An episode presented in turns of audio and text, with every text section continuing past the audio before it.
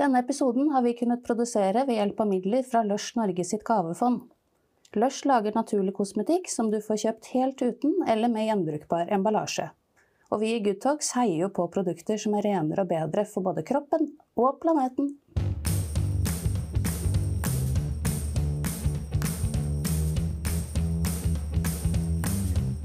Hej Karoline! Hei, Anna! Du, idag har vi ett väldigt spännande tema att snacka om.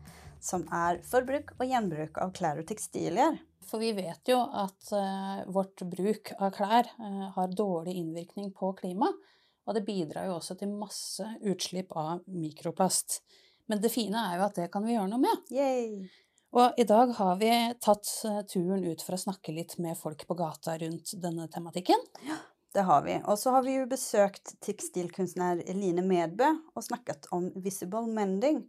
Hun har jo deltatt på en rekke utstillinger inn- og utland, og er også en racer innom redesign og reparasjon. Ja, det var utrolig fint å bli kjent, eh, bedre kjent med Eline og høre mer om hennes eh, forhold til eh, tekstiler, syns jeg. Og i dagens episode så har du, Hanna, også tatt en telefon til en ekspert. Mm. Jeg har snakket med Ingunn Grimstad Klepp, som er forskere ved Statens institutt for forbruksforskning, også kjent som SIFO. Hun har i over 20 år annat forsket på klesvask og hvilke metoder som funker best for å fjerne- flekker eh, på ulike typer av tekstilier. Ingunn er jo altså knallgod på å formidle sin kunnskap og har masser med tips og triks, så følg med. Men først skal vi høre hva folk på gata svarte på vår lille quiz.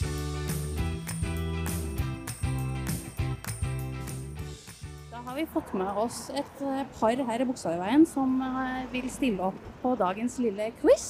Så da kjører vi i gang med første spørsmål. Men først så lurer jeg på hva heter du? Nils Henrik. Berit. Sofia. Mia.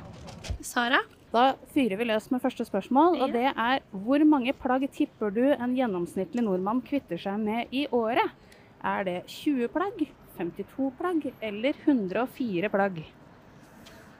Jeg tror jeg må gå for 104. Ja. Eh, Jeg tipper 20. ja, jeg tenker 20. Ta det siste. 104, sier Ja, vi. 104. Ja. Dessverre så er eh, tallet så høyt ja, på hva vi Ja, gjennomsnitt eh, kvitter oss med. Ja, var redd for det. Og da er spørsmål to cirka hvor mange ganger tror du vi bruker et plagg i snitt før vi kvitter oss med det? Er det 7 til 8 ganger? 15 til 16 ganger? Eller 23 til 24 ganger? Jeg tror det er 7 til 8, hvis jeg tenker meg sjøl. Ja, jeg tenker meg 15-16. jeg. Eh, Ja. Syv til åtte, er det det? Er du enig i det? Jeg frykter det, ja. Mm, for å være litt optimistisk og si B, da. 5-16. Ja, og da var det nettopp litt optimistisk, for det er kun 7 til 8 ganger per plagg. Dessverre. Det er dårlig vane av meg òg. Vi har alle litt forbedringspotensial på den ja, fronten, det er tror jeg. sant. Og så er det over på klesvaskspørsmål. For hvilken temperatur i en vanlig, eh, for vanlig klesvask eh, i en moderne vaskemaskin, altså en av nyere standard, eh, hvor mange grader tror dere dere egentlig trenger å vaske tøyet på da? Er det A 25 grader, B 30 grader eller C 40 grader? Jeg tipper 30. 40. Eh, Jeg tror 40. Jeg ville tippe 40, altså. Ja, jeg, jeg går òg for den. 40. Det er jo det vi har eh, gjerne hørt og lært lenge, Ja. at Ja. det er liksom 40 eller 60 grader Ja. vi kjører på. Men Ja. med moderne vaskemaskiner av nyere standard, pluss at vaskemidler nå vasker renere på lavere temperatur, Ja. så kan man faktisk kjøre en normal klesvask som ikke liksom, ja, er koronabefengt eller noe Ja. sånt, ja. på kun 25 grader. Er det sant? Sier du det? Så da kan du spare miljøet for masse Ja, energi. ja, Så det, den gamle læra kan vi egentlig kaste litt Da lærte vi eh, det. vekk nå. Det, var får, det, eh, det likte vi å høre. Ja. Det likte jeg å høre. Ja. Hei, Helene. Hei, velkommen hit til roterommet mitt på Vollebeik. Tusen takk.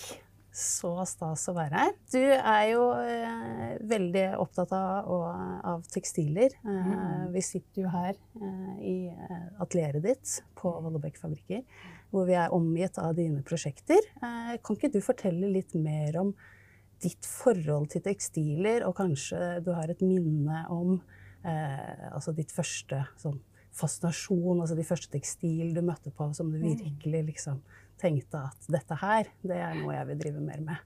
Ja. Det, jeg har mange sånne første minner, egentlig, nesten. Eller første, andre, tredje. Ja, det begynte veldig tidlig i livet, egentlig, at jeg var fascinert av tekstiler. Eh, jeg likte veldig godt å lage ting med hendene. Så husker jeg jeg lærte å hekle av farmoren min, og ble veldig fascinert av det.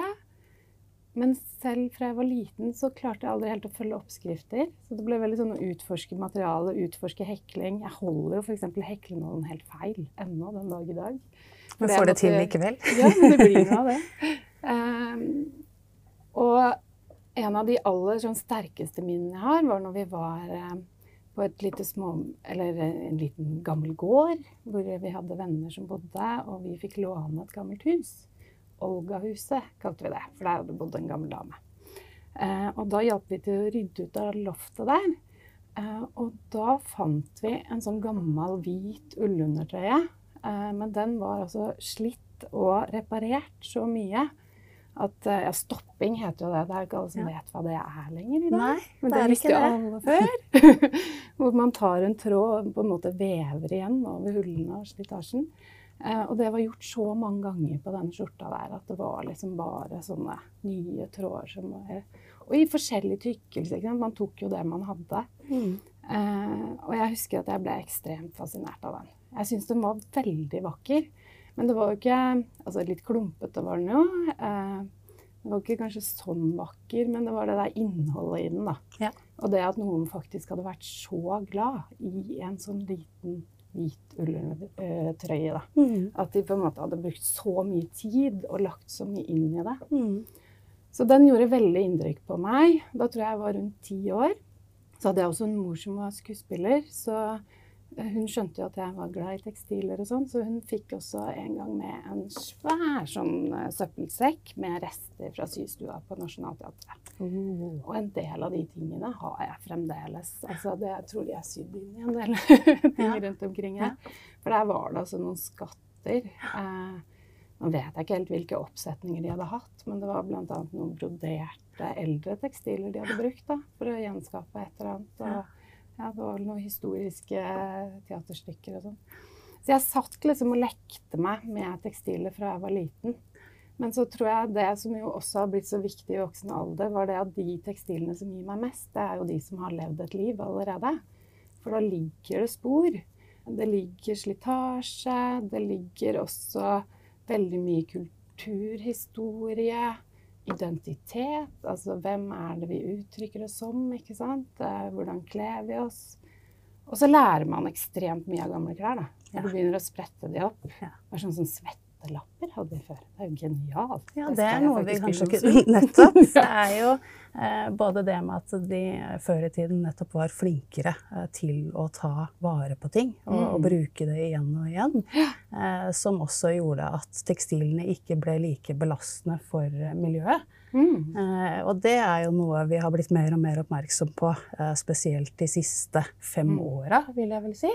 At hvor mye, spesielt da syntetiske tekstiler, avgir seg med Altså det er jo plast, rett og slett. Ja, Så da blir jo det masse mikroplast eh, i, eh, i, som spesielt havner i havene, og også i oss til slutt. Mm. Eh, Når ble du mer bevisst på den problematikken? Og du jobber jo også en del med det zero waste-prinsippet. Mm. må gjerne fortelle litt mer om det. Altså, det er liksom litt sånn ongoing, og det jeg merker er jo det Som sagt så har jeg jobba med reparasjon og gjerne brukt brukte materialer hele tida, egentlig. Men jeg tok vel et sånt bevisst valg da for ja, nå begynner det å bli masse år siden, om at jeg ville bare bruke brukte tekstiler. Men det er noe med at du jobber deg inn i det når du Mm. jobber med redesign òg. For det at uh, i begynnelsen så Det er jo noe med at den, den epoken vi har levd i nå, det er jo egentlig den som er litt rar. For historien før så har ikke folk hatt så mye penger. Og det er så klart veldig mye det at man har liten tilgang på materialer, man har ikke overflod, som gjør at man da faktisk verdsetter de tingene man har. Og så er det også at man ofte jobba nærmere med dette her sjøl. Når du lager ting av plantefiber. eh, Sånn som den ene skjorta jeg sydde om, som jeg nevnte for deg før, som jeg er så glad i, som Ja. er lagd av lin. Da skal jeg bare skyte inn til dere som lytter på denne podkasten, så kommer vi til å poste bilder og ekstramateriell eh, som dere kan sjekke ut i våre SoMe-kanaler etterpå. Ja, du kan få med litt mer bakgrunnshistorie der. Ja. Men i hvert fall det er eh, to gamle linskjorter jeg har sydd sammen, sånn at det blir en mer slags jakke. Men når jeg fikk de, så var det en venninne av meg som bor på det samme stedet faktisk, hvor vi fant den der eh, trøya jeg nevnte. Eh, så dette her var etter oldemoren og bestemoren hennes. Så de er godt over 100 år, uten at jeg kan si akkurat hvor gamle de er. Men de er jo nesten ikke hullete. Det er bare stoffet er slitt, så det er blitt mykt. For lin kan jo være litt stivt og sånn. Ehm, så det var veldig fascinerende å jobbe med den. Men så når jeg var ferdig med det, og hadde sydd den sammen og egentlig jobba litt uvørent med den Jeg liker at ting er litt uvørent og får litt uttrykk. Så fikk jeg vite at altså, de på den gården hadde jo dyrka den linen selv. Wow. Så, og, og da tenker jeg det forholdet man da har til tekstiler, blir noe helt annet. For den pengeverdien vi setter på klær i dag, og i Mm. fast fashion, Mm. det er jo helt abstrakt. Det har jo ingenting med de ressursene Og hvis du tenker på menneskehendene da, som har vært i kontakt med bare en vanlig bomulls-T-skjorte, Mm. selv om det er mye mer eh, industrialisert jordbruk og sånn i dag, så er det veldig mange mennesker det har vært igjennom. Det er, liksom, det er jorda, det skal gro, det skal vannes, det skal videre til fabrikker, det skal gjøres om til tekstiler, det skal sys. Og jeg tror vi mennesker klarer mye lettere å på en måte fatte verdien av materialer og ting rundt hvis vi har en nærhet til prosessen. Da. eh, Og hva som ligger bak. Mm. Og det har vi ikke lenger i dag. Så det er ikke så rart at vi tenker at en T-skjorte kan jeg få for 50 kroner, og da gidder jeg ikke å kjøpe den for mer, f.eks. Um, mm. Nå snakka jeg meg sikkert litt bort, da. Nei, det, det nei. svarte på. Syns det var helt fantastisk. eh, ikke? Jo, for vi var på mikroplast og sånne ting. Og det må jeg si at den der er vel ingen av oss som egentlig var helt sånn klar over det som veldig for, for ikke så lenge siden, tross alt, hvis man ser det i et langt, eh, langt tidsperspektiv. Altså hele det der med sportsklær og ikke sant, syntetiske fibre eh, har jo på en måte også gjort at man lett kan få ting som passer kroppen. Det er mer elastikk, ikke sant. Bare sånn som jeans, som jeg er så glad i å jobbe med. Altså De ordentlig gode jeans-arbeidsklærne, det var jo rene bomullsfiber, ikke sant. Ja. Uh, det var ikke noe stretch, og det var ganske stivt å ta på seg de buksene der. Ja, altså De fleste denimplagg per i dag har jo minst 2% elastan. Ikke sant? Men sånne gode, gamle 100 uh, bomullsjeans, de er jo ikke nødvendigvis så komfortable å gå med. Nei, Eh, da, de, i I begynnelsen. i begynnelsen. Men Men etter 50 år, da begynner vi å komme dit. Ja, Ja. Nå overdrev jeg kanskje litt, men ikke sant? Ofte så ble jo klær bedre i bruk. Og det er det jo ofte med disse naturfiberne òg, Ja. som er ekstremt holdbare. Sånn som den skjorta jeg nevnte, det viser jo bare potensialet. Du kan ha en skjorte i over 100 år Mm. hvis det er dyrket av eller, sant, skikkelig lin og lagd ordentlig. Eh, det samme med en ordentlig god olabukse, sånn som det ble lagd før. Det kunne vare lenge. Og før hadde man jo det tidsperspektivet på klærne sine. Eh, mens det har vi jo ikke lenger. Nå er det liksom Det er jo ekstremt kort. Mm. så egentlig så tenker jeg at det er jo vi som har levd i en sånn merkelig boble. Hvor vi egentlig har blitt helt fjerna fra den kontakten med verdien som ligger i ressursene, i arbeidet. Mm. Alt det der med å lage tingene vi har rundt oss og ha på oss. da. Og så er det også det jeg syns er veldig fascinerende med klær, det er at eh, vi har det så tett inntil Beklager nå, men jeg bare si at nå gikk det forbi noen og jeg vinka litt. For det er et sånn hyggelig miljø her, og vi har et lite vindu. Så det er sånn jeg gjør innimellom, da. Ja, Ja. Det, er, det er fint å være hyggelig. Eller? Ja, det er jeg skal slutte å vinke da. Uh, ja, men det jeg snakket om, det der, det er noe sånn veldig sånn personlig da, med klær. Og, og det ligger også så mye minner, syns jeg, i klær. Så der, derfor også med mange av de klærne jeg eh, syr om. Enten har jeg fått disse klærne av andre. Da får jeg kanskje vite litt av historiene, sånn at jeg sitter og tenker litt på det når jeg syr og når jeg omformer de. Eh, andre ganger så vet jeg det ikke, men jeg bare aner det. For det er noe med at du ser at dette her har vært brukt lenge, noen har vært glad i det. Mm. Det har blitt eh, slitt på en spesiell måte, det henger litt så, ikke sant? Det, det sier veldig mye om oss. Um, men så kommer alt dette her ikke sant? med de eh, ja, mikrofiber eh, som slippes ut. Og det gjør de også fra naturfiber i og for seg. Hvis de er satt inn med mye dritt, så slipper de også. Ja. Så dette har vi jo på en måte etter hvert begynt å bli klar over og skjønt at som vi holder på nå, det, det, nå er vi på feil vei. Ja. Det er noe med det at det skal være så lettvint for oss mennesker, eh, og billig eh, Mm. blitt. Og det er liksom den hovedtanken som er i fokus. Ja, At vi skal, vi skal se så bra ut, og det skal Ja. være så lett å få tak i det, og det skal være lettstelt og lettstrykelig. Men det er noe med det å tenke at ting kan ta litt lengre tid. Ja. Og kjøper man tekstiler som ikke har anti-wrinkle og anti-ditt-datt, så er også sjansen for at det har blitt brukt kjipe kjemikalier, for å kalle det det. i prosessen mye, mye mindre. Mm. Så det er noe med det at eh, ja, eh, at lære litt å- mer om tekstil nå, og det er noe som har forsvunnet Ja. helt fra og også sånn med, med fokus på små reparasjoner og håndverk generelt, har jo vært litt borte eh, fra fokus i lang tid. Men Ja. så har vi jo sett også at det er veldig på vei tilbake. Det er det. Både redesign og eh, det å fikse ting selv, og at det virker Mm. som at det er flere og flere får øynene opp for det, og syns Mm. at det både er kulere og skjønner at det kan være rimeligere, og at vi sparer miljøet. Mm. Og du har jo også eh, her oppe på Vollebekk fabrikker, så holder også Relove til. Mm. Så nå har vi snakka litt om din kjærlighet og forhold til tekstiler. Kanskje Mm. du også vil fortelle litt om hva Relove er og driver med? Ja, relove, det, eller relove pleier jeg å si. Men det er helt lov å si begge deler. Jeg bare liker å ha det litt sånn norsk-engelsk. Ja, ja. Eh, For det står for Redesign, lokalt verksted.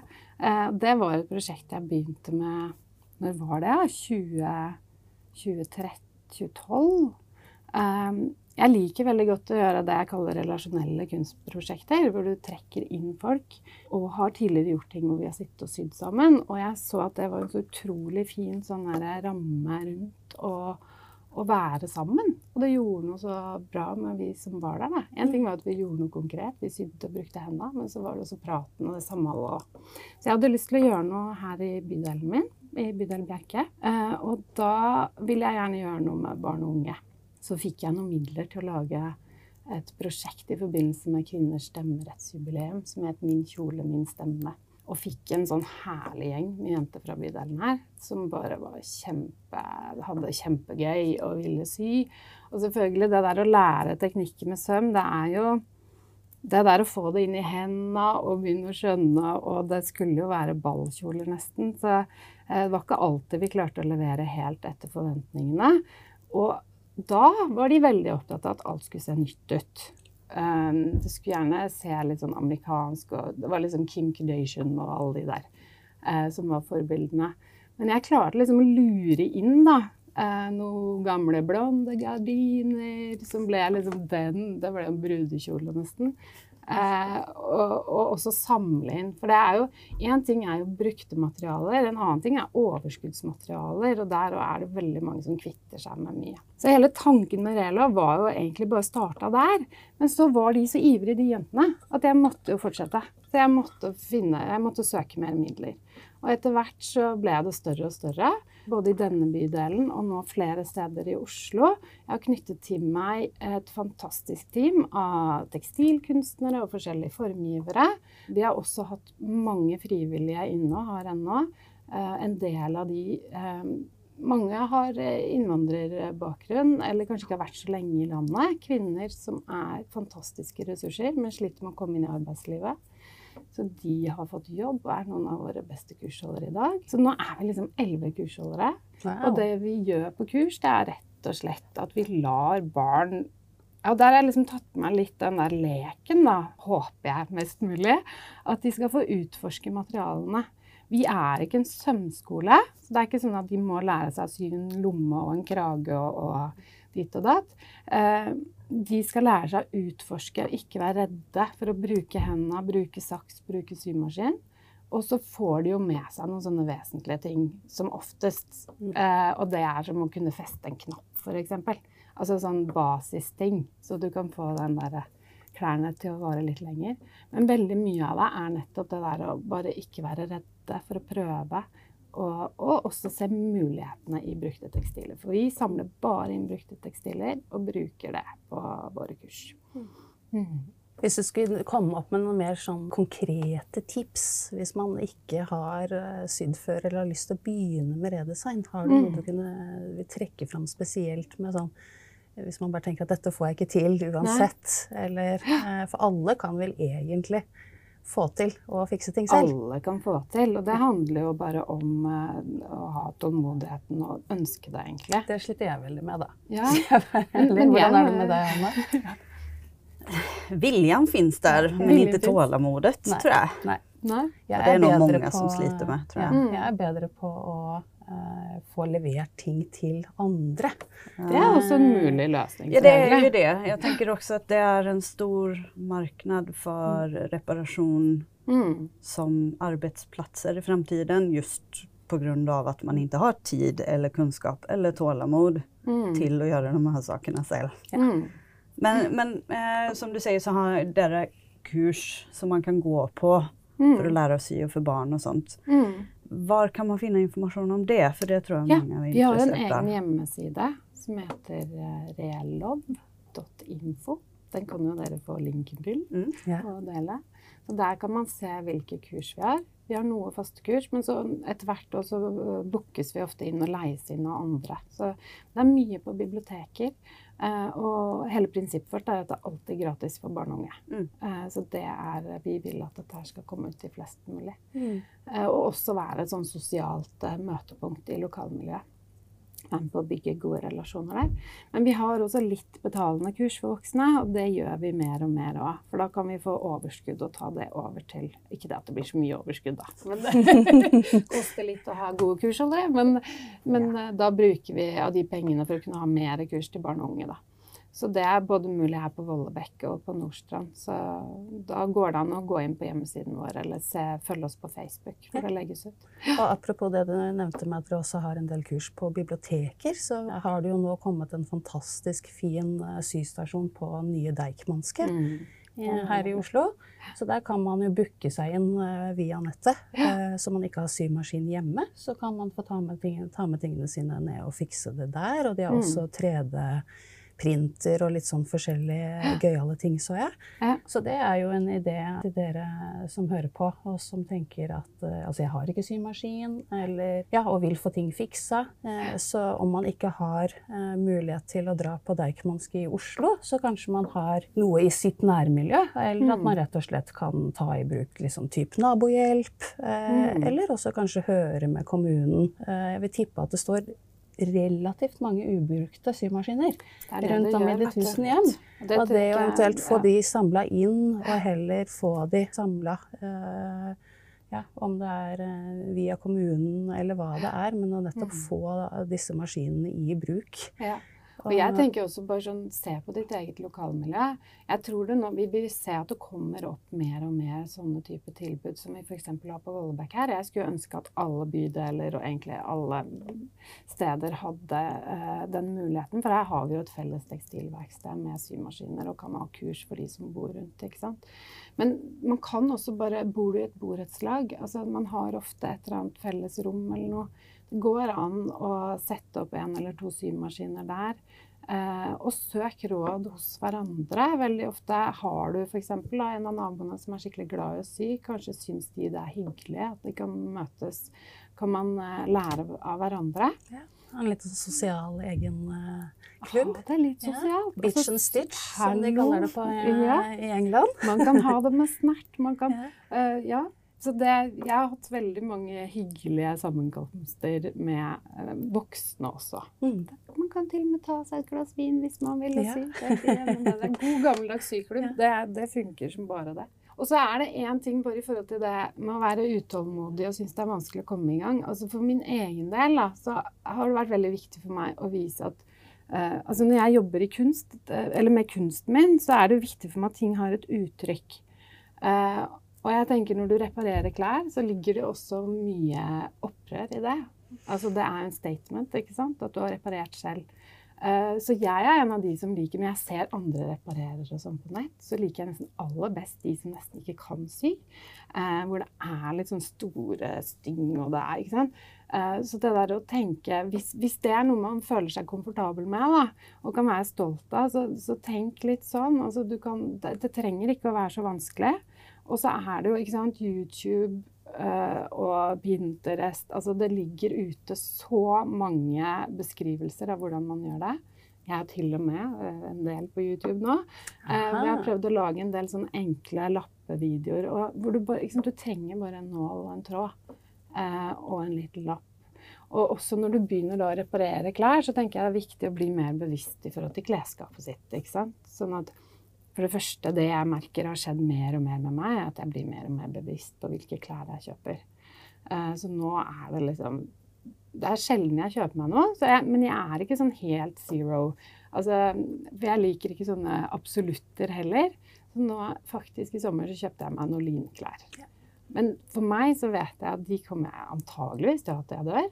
eh, for det, det er bra kvalitet. Og det beste når du får litt sånn dilla på å reparere, det er jo at med en gang du hører sånn Rich, så er det Yes! Nå kan jeg si noe! Og så kan du finne på liksom Hvordan skal jeg reparere det her? ikke sant?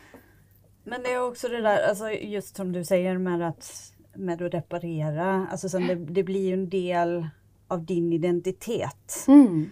Og jeg tror at det kan være litt sånn nu i starten, spesielt for mennesker som kanskje ikke har det som en del av sin identitet, och ta det steget. Ta steget. Mm. Det, det, det är någonting med den där att vi kopplar oss själva till olika grupper med Mm. vad vi har på oss. Mm. Eh, har du något liksom sån, hur kan man pusha sig själv över den lilla gränsen? För det är egentligen Mm. ett litet steg, Mm. men som för många mentalt kanske blir ett väldigt stort steg. Ja, og det, altså, det trenger ikke å se punk ut, selv om du har sydd det sjøl. Eh, det er ekstremt mange delikate, fine måter å reparere på også.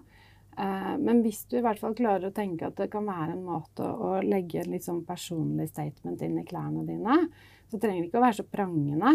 Men én ting som jeg liker å gjøre, i hvert fall, er å gå gjennom skapet og så velge ut noen ting som du ikke kan bruke mer, men som du er veldig glad i. Kanskje er det et fint stoff, en fin kvalitet, eller du har noen gode minner med det. Og så tenk at det kan være lappene dine. Og så, jeg har f.eks. sett eh, en eh, utrolig kul kåpe som var løst fint, som så veldig sånn fashionable og ordentlig ut, liksom. Den kunne man fint gått i advokatmøte med. Men den var helt fin på utsiden, men fôret hadde begynt å rakne. Og da de sydd inn ganske sånn klare fargebiter ikke sant? på hele fôret. Så det ble nesten som et litt sånn kubistisk maleri på innsiden av fôret. Eh, der, og der finnes det jo så mye inspirasjon også. Man kan lete frem i dag og sitte og scrolle på Instagram. Ser du noe du syns ser kult ut, altså prøv å kopiere det, og prøv å bare gjøre det så enkelt som mulig. Og ikke være redd for å feile. Ikke være, det er jo kanskje det viktigste. Mm. Altså, og blir det ikke perfekt, så se først på det. Er det kult at det ikke er perfekt? Nei, hvis det ikke er kult, ok, så bare gjør det på nytt, da. Det er veldig enkelt med når du jobber med nål og tråd. Det lar seg rett, lett eh, rakne opp. Det er mye verre når du jobber i materiale som limes eller kobles for alltid, ikke sant. Så det er ikke noe problem. Ta det opp igjen. Ble det helt gærent, altså, sy noe annet av det. Hvorfor bli en bøttehatt istedenfor kåpe, da. Altså den derre sangen til han derre Alf Prøysen. Jeg kom på den nå, Ja, ja. Til slutt ble det et lite fuglebrett. Det skulle, Ja. Nei, ja. Eller skjærefjøl. Jeg husker ikke. Det vil hun sikkert ha. Det, ble sikkert bra. Ja, så det, sånn er det litt, ikke Ja. sant. Men så, så må man også man må senke terskelen sin lite grann i forhold til å starte. Man må gi seg litt slack der. Så begynn på litt enkle ting, og, og ikke ha for høy sånn forventning om at det skal se for perfekt ut. Altså Begynn heller på arbeidsbuksa di, da. Eller malebuksa, og tenk at det er greit om det blir litt så som så. Og så kan vi vente litt med liksom finskjorta til kundemøtene, ikke sant. Um, og så gå gjerne på et kurs og lær deg mer, eller søk råd hos folk som kan. Um, og så er det også bare litt sånn å gi henda litt tid. Eh, fordi hendene våre de er jo lagd sånn at du kan få til de mest intrikate ting. Men det tar tid. Så de som har lært seg å strikke f.eks. vet jo det. Til begynnelsen er man helt sånn. Og sånn er det med søm og med klipp og alt sånn. Så man må bare gjøre det nok og få det inn i hendene. Så er det akkurat som hendene får liksom en egen hukommelse. Mm. Og det er jo sånn vi jobber mye med barna òg. Noen ganger sitter de bare og klipper, og det er bra. For da liksom får de den følelsen for det. Mm. Tänker du at de har for lite håndarbeid i skolen? Ja, jeg, jeg syns det virker som det er litt sånn tilfeldig nå, da, ut fra de barna jeg møter. Det er veldig mye bra lærere rundt omkring, men jeg syns jo selvfølgelig at generelt sett kreative fag er det for lite av. For jeg tenker at det er like viktig som matte og norsk alt sammen. Og det også er med på å forsterke kunnskapene dine i de andre fagene.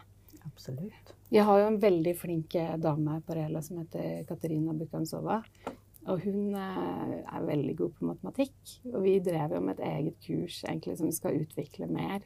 Hvor du kan dra inn matten i eh, det å mønsterkonstruere. Sirkelskjørt, for For det er det jo veldig mye matte i, mønsterkonstruksjon. Masse. Ja. Og da kan plutselig, for noen så er jo matte litt for abstrakt, og du klarer ikke helt å gå inn i det. Men når du plutselig har måttet konstruere en sirkel da, og bruke diameter og alt mulig for å klare å få riktig livvidde og sånne ting, da blir det jo konkret, ikke sant? Og kanskje en ikke er så glad i matte eller syns at det er litt uh, kjipernfag i utgangspunktet, men at vi da via syprosessen så faktisk så forstår man at man har litt bruk for å ikke synes at matte er så gærent likevel. Ja. Sånn at det slår begge, begge veier. Altså tverrfaglige uh, Mm. Ja, undervisning eller utbytte er jo, det er jo da man virkelig forstår ting, og den store helheten. Ja, det har jeg virkelig tro på. Og så tror jeg kanskje noe av det viktigste vi kan lære barna av denne generasjonen her, som skal overta ganske mye av våre, vår drit, for å si det sånn, og våre forgjengeres drit, eh, de må, finne, de må finne nye løsninger. Jeg tror det aller viktigste de lærer, det er å eh, egentlig å leke. For det, jeg tenker at lek for meg er veldig seriøst. Eh, det er en måte å prøve ut ting på uten å ha for mye mål og mening. For det er da det ofte oppstår helt nye ting.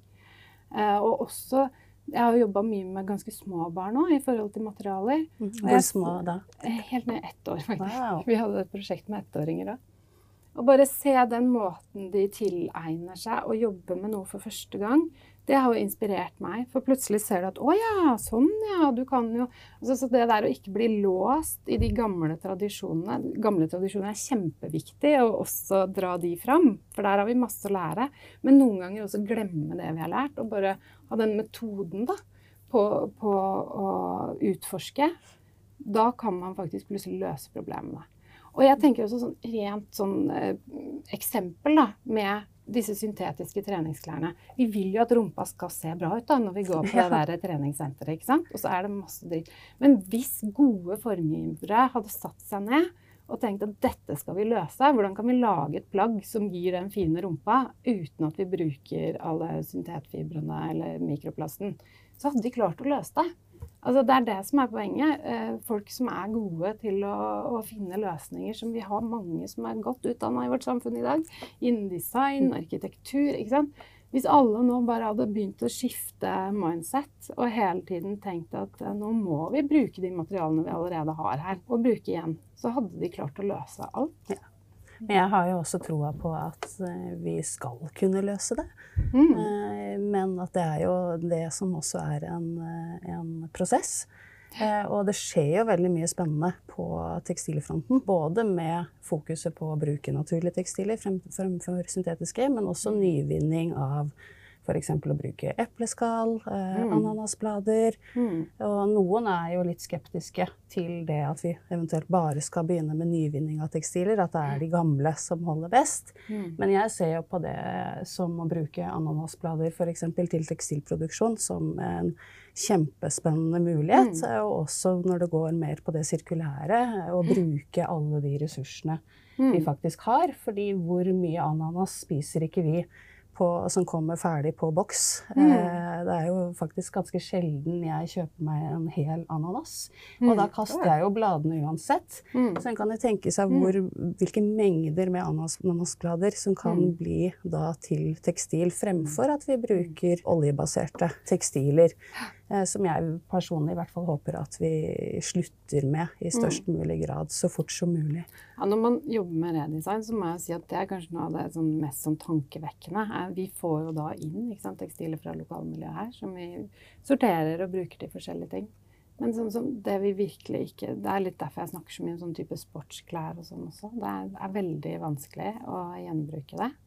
Men eh, ja, Så det, det har på en måte ikke en sånn kvalitet at du kan få det til å leve lenge. Så, ikke sant? Jeans, og helst da uten den elastikken. For det er også forringer det materialet, gjør det vanskeligere å bruke det igjen. Så det er noe å tenke på. Så jeg, jeg merker jo at jeg heller mer og mer dit. Og At ja, naturmaterialer er en fordel, men og ikke minst altså utnytte de ressursene, da. Så alt avfallet vårt, det ligger veldig mye gull i det, da, som vi kunne utnytta. Så er det jo også altså selve den designprosessen, da, det å designe ting fra bunnen av, eh, Mm. som det er ment for å kunne dekonstrueres og uh, sys om til noe annet. Jeg leste her om dagen om et nytt initiativ på denimfronten, Ja. hvor flere uh, denimprodusenter nå har skrevet under på at de skal bruke så lite elastan som mulig, at de skal Mm. bruke så lite På veldig mange jeans er det jo mye metall i små detaljer, og at de skal rett og slett begynne å strippe vekk eh, mest mulig av de elementene, Mm. sånn at det blir lettere å gjenvinne og redesigne. Eh, og det tenker jeg Ja! Og det er jo vi litt opptatt av her i podden. Å Mm. snakke opp nettopp de løsningene. Mm, eh, det skjer som- veldig mye spennende. Ja. Men så er det jo den aller største biten som vi ikke har kommet til ennå, og det er jo at forbruket må ned. Eh, Men da tenker jeg også det blir veldig viktig det der å klare å vite altså, For jeg syns jo også at mote er kjempespennende. Jeg syns det er gøy med hele det der å kunne uttrykke identiteten din, og at det kan endre seg fra en dag til en annen. Og hvis du skulle ha på en måte en låst garderobe som bare var de plaggene resten av ditt liv, så kan det høres kjedelig ut. Men det er der jeg tenker det er viktig å vise hvordan du kan endre da, eh, eh, garderoben din, men kanskje med de samme plaggene fremdeles. Men også at når du kjøper plagg som er av god kvalitet Mm. så blir det jo også en andrehåndsverdi i det plagget. Når Det du sant. ikke har lyst på det lenger, så Mm. kan du gi det videre eller Mm. selge eventuelt. Eller leie, ut. Eller leie Og tjene penger på den Ja, investeringen du det gjorde i leie er kjempespennende. For det er jo oftest oftast det som er problemet med billige klær med Mm. dålig kvalitet, at Mm. de har ingen andrehåndsverdi. Mm. Og derfor så ser vi liksom ikke heller verdien i det som faktiskt är god kvalitet. Det är väldigt Mm. många som missar att köpa ting på second hand Mm. som är av god kvalitet. Mm. Att de syns att det är för dyrt för det är ju någon annan som har haft det för. Mm. Men, men der er det vel i ferd med å bli en endring. er. Men det tar litt tid, da. Mm. Og det er jo til og med sånn sant, at det der skikkelig fast, fast fashion-klærne som har blitt spydd ut nå i evigheter, at, at har vi liksom dumpa sant, i u-land. Mm. Eh, det er søppel de rett og slett har fått eh, servert, altså. Og De har ikke bruk for det, de De har ikke bruk nei. for det. Det Gamle skjorter, seg opp. Altså. syntetiske skjorter med svetteflekker eller andre ting. Altså, Ja. Hvorfor skal de skal ville bruke de det når det? ikke Og i tillegg så ofte ødelegger du jo en veldig bra lokal tekstilproduksjon, Mm. ikke sant? Med, eller tradisjonelle tekstiler. Eh, nei, så det der må vi bare slutte med. Men jeg tenker det blir veldig spennende fremover. Jeg velger å se på det sånn, for jeg ser det er ekstremt eh, mange nå som begynner å komme. eh, og som begynner å ha spennende innfallsvinkler. Og det syns jeg er veldig gøy. Men det blir spennende videre òg. For det derre vi må også klare å bare begynne å se den verdien som ligger i ting. Og, og det håper jo jeg skal klare å, å på en måte inspirere folk til å, å begynne å oppdage historiene i tingene sine. Eh, sånn at man faktisk får At det kanskje også kan bli en viktig del av identiteten du bærer med deg på klærne. da. Mm. At det er noe som kan gi klærne dine et ekstra løft, på en Mm. måte. Det tycker jeg er veldig fine ord. Mm. Och eh, det har vært ekstremt interessant å høre på din vri på det her med tekstil og med tekstilkunst og allting sånt. Veldig gode tips. Um, Helt klart. Jeg tänker spørre deg om du har Hva er dine tre absolutt beste tips til folk for at de skal beholde sine klær så lenge som mulig? Ja. Uh, tenk gjennom hva du kjøper først. Sjekk lappen, da. Det er en del av det første tipset. Altså se, Sett deg nøye inn i hva, tekstil, hva slags tekstiler det er lagd av, og hvordan du skal behandle det. Eh, og så eh, Bare kjøp ting du virkelig liker. Altså klær du virkelig elsker, og tenker at dette kan bli min nye bestevenn for en god stund. Um, det blir tips to, da. da. Og så må du rett og slett begynne å reparere. det er kjempegøy å Ja. gjøre det sammen med andre. Yeah. Og start en syklubb, eller kom til oss, eller til yeah. noen andre. Eller bare, bare sy. Bare gjør det. Det er kjempegøy. Og, og bli sånn som meg. Sånn at når du plutselig sier sånn Rich, ja, er det liksom Ja! Nå skal jeg finne kul lapp hjemme! Bare for at vi inviterer oss selv kanskje opp på en liten uh, sykveld her uh, Absolutt. på et senere tidspunkt da, Eline. Ja. Men uh, tusen takk for uh, god prat og good talk. I like måte. Så utrolig inspirerende det var å snakke med Eline. Ja, verkligen. Nu har jeg skikkelig lyst til at noen ting skal lage en rich-lyd så at jeg kan få fikse det. Ja, det er eh, bare å prøve å ta opp eh, for å forbedre sykunnskapene mine, merker jeg. Jeg fikk skikkelig eh, lyst til å bli bedre på den fronten nå. Jeg skal jobbe på mitt tålamod. Ja. Det må du. og det må jeg også.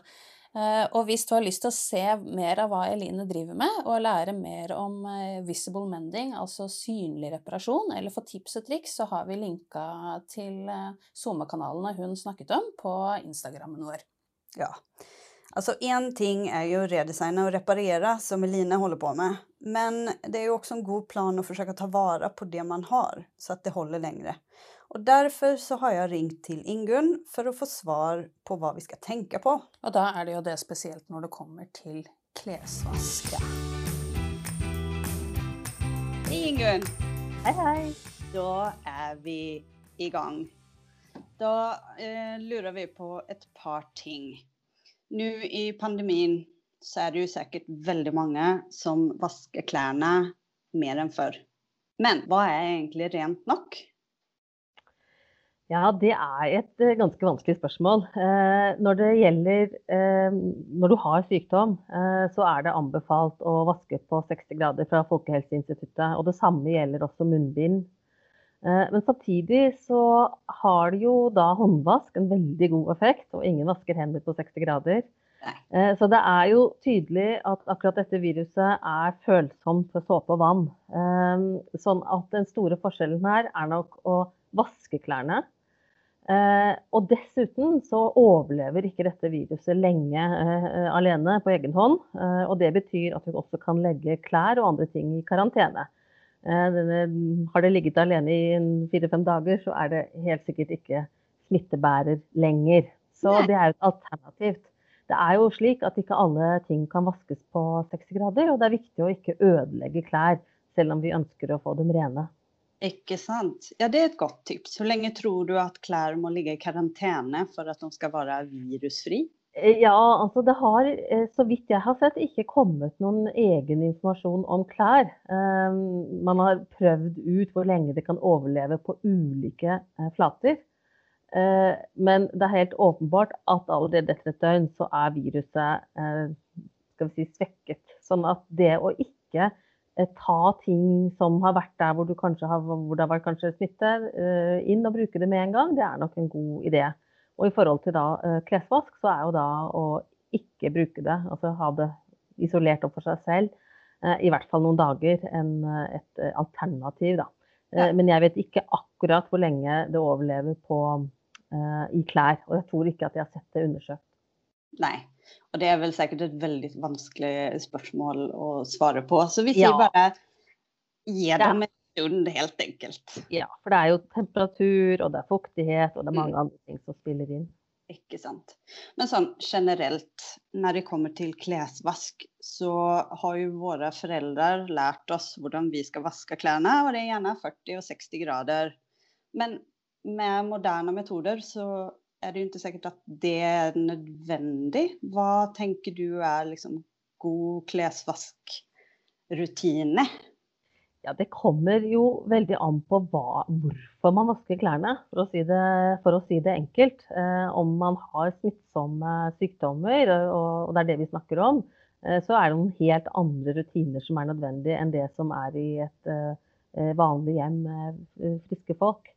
Eh, det er også slik at det er godt mulig å vaske rent på kaldt vann. Det er veldig spesielt da i Norge og i for seg eller andre land å bruke temperatur som den måten å få rent på. Det går godt an å få det rent i, i kaldt vann, og mange andre land gjør det. Mm. Eh, Det handler jo også om kjemikaliene og eh, om tiden og om den mekaniske bearbeidingen i vasken. Men det blir renere på varmere temperatur.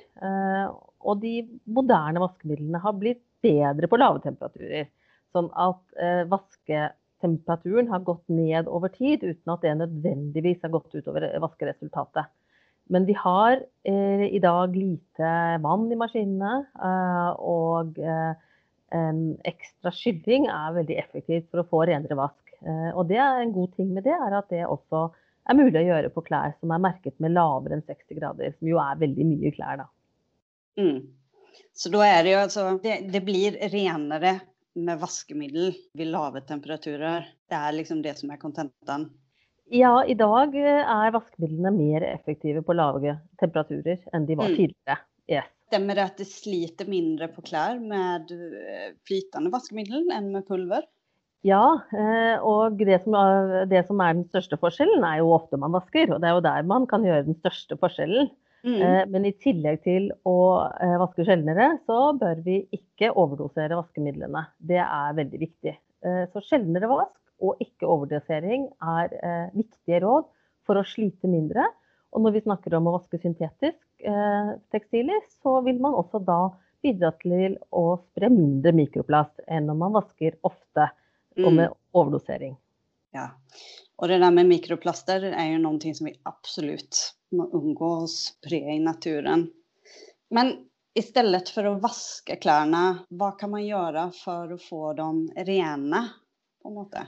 Ja, det kommer igjen an på hva slags skitt det er vi snakker om, eh, og hva slags materiale vi snakker om. Eh, Altså, ull er i en særstilling fordi at den, det vanligste vi prøver å fjerne med vask, er jo svettelukt, og det fjernes faktisk mer effektivt med lufting enn med vasking fra ull. Så der er lufting det beste rådet. Mm. Og for alle klær eh, så er det slik at, eh, at eh, flekkfjerning er veldig lurt. Altså det å fjerne flekker. Fordi at det med flekker jo også er en viktig grunn for at klær eh, vaskes. Og så er det det siste, og det er at veldig mange klær vaskes for å holde orden. Fordi de ligger på steder de ikke burde være. Så det å rydde og legge ting på plass igjen når de har vært brukt, eller ha en plass å legge dem på når de har vært brukt, slik at de ikke må vaskes for å bli ryddet. Mm. Det er et viktig råd for å begrense mengden vask. Så igjen, eh, rådet kommer an på årsaken til at du vasker. Nydelig. Da har vi fått masse gode tips på hvordan man kan eh, skjøtte sin klesvask i en mer eh, miljøvennlig perspektiv. Eh, du er i ferd med å skrive en ny bok. Hva heter den, og hva skal den handle om? Og kan du Ja. fortelle mer om når den kommer? Ja, det kan jeg. Eh, Jeg og Tone Skårdal Tobiasson har skrevet to bøker. eh, 'Lettstelt' og 'Lettkledd'. Eh, 'Lettkledd' er den siste, som handler om da hvordan man kan ha et klesforbruk med lavere miljøbelastning. Og dette her er en trilogi, og den tredje boken den heter 'Lettfix'. Klær med ni liv. Mm. Og den handler da om hvordan du kan få klærne dine til å vare lenge, og kanskje også få et liv eh, i en litt ny form etter hvert. Så det er reparasjon, og det er gjenbruk og resirkulering i egen garderobe. Eh, Simpelthen det å få ting til å vare. Ja. Eh, og vi håper at boken kommer på, på nyåret, altså om ikke så altfor lenge. Åh, det gleder vi oss til. Nydelig. Tusen takk for alle gode tips.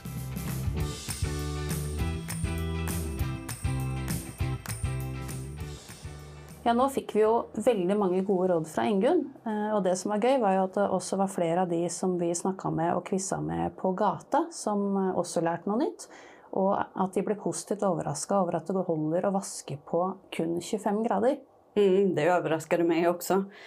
Og det var veldig interessant å høre hvordan de resonnerte rundt svarsalternativene og ærligheten i eh, deres eget bruk av klær. Ja, for jeg syns det er ganske vilt at gjennomsnittsnordmannen faktisk forbruker den mengden klær eh, som vi gjør. Eh, og nå er jo dette her gjennomsnittstall, men jeg mener i hvert fall at for min egen del så kvitter ikke jeg eller kaster eh, kaster jeg 104 klesplagg i løpet av et år. Ja, det, jeg, det, jeg forstår nesten ikke hvem Nei. som trekker gjennomsnittet så innmari opp. Men det var jo en av de vi snakka med på gata, som sa at hun kun brukte et plagg én til sju ganger. Så, Mhm. og var ærlig på det. Så jeg tenker at eh, det er ganske mange som kan eh, eh, gjøre noe med eget forbruk der. Og vi har jo tatt noen grep, begge to. Men når det er sagt, så vet ikke jeg helt heller hvor mange klær jeg har i min garderobe. Så det tenker jeg faktisk at jeg skal ta en liten opptelling på og dele, dele med dere lytterne her senere. For jeg blir nok sikkert litt pinlig berørt likevel, altså. Eh, Men hvordan er det med deg da, Hanna? Hvor mange ganger tror du at plaggene dine i gjennomsnitt blir brukt? Ja, altså jeg tror at jeg anvender mine kläder långt over genomsnittet. Eh, jeg jag har egentlig ikke så stor garderobe. Men, eh, och jag har, Altså, de plaggen som jeg har bruker veldig ofte og lenge. Jeg kvitter kvittar sjelden med klær. Men jeg skal jo også innrømme at jeg har en del, noen plagg som jeg sliter med å få brukt for at de kanskje ikke passer helt og sånn. Eh, og så har jeg veldig svårt for å kvitte meg med dem. Ja, Det tror jeg er liksom noe som eh, er gjengs for veldig mange. At man har disse plaggene som man tenker liksom sånn Jo da, en Mm. vakker dag så, så passer de. Eller eh, jeg syns jo liksom at stoffet er så fint, men hver gang man tar det på seg, så er man liksom ikke helt på plass i det plagget likevel. Så da er det jo noe med det å ta litt eh, innspo eh, fra f.eks. Eline igjen. da og gå på og bruke de plaggene kanskje til kommende redesign-prosjekter. Det kan jeg absolutt tenke meg. Ja. Så jeg tenker at kanskje man eh, skal sette det litt sånn i system, da, og begynne å legge de i en egen bunke, disse plaggene som ikke blir så ofte brukt, og så kanskje ta for seg å begynne med ett. Og så sette seg en sånn liten deadline på når man skal ha fått gjort noe med det. Og kanskje hvis man ikke har fått gjort det innen da, så, så må det plagget få gå videre. Ja, det kan være lurt som en deadline, for at denne bunken den har legat på mitt skrivbord. Du har allerede en bunk, ja? Det har jeg, Ja. eh, og den har legat der en stund. Ja. Så at, eh, det er nå på tide å liksom få gjort noe med det, helt enkelt. Ja. Eh, og noe som jeg nå eh, fikk gjort eh, når vi besøkte Line, var at jeg fikk tatt med et gammelt plagg fra, faktisk fra min grandtante. Det er hennes brudekjole, sånn tilbake fra typ 1950-tallet.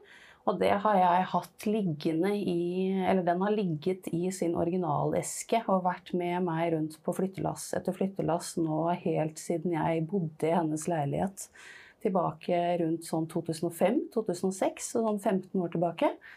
Og nå har jeg da overrukket den til Eline, og hun har sagt at hun ønsker og vil lage noe nytt og spennende til meg med den kjolen. Så det, det er jeg så spent på, å se hva hun kommer fram til der.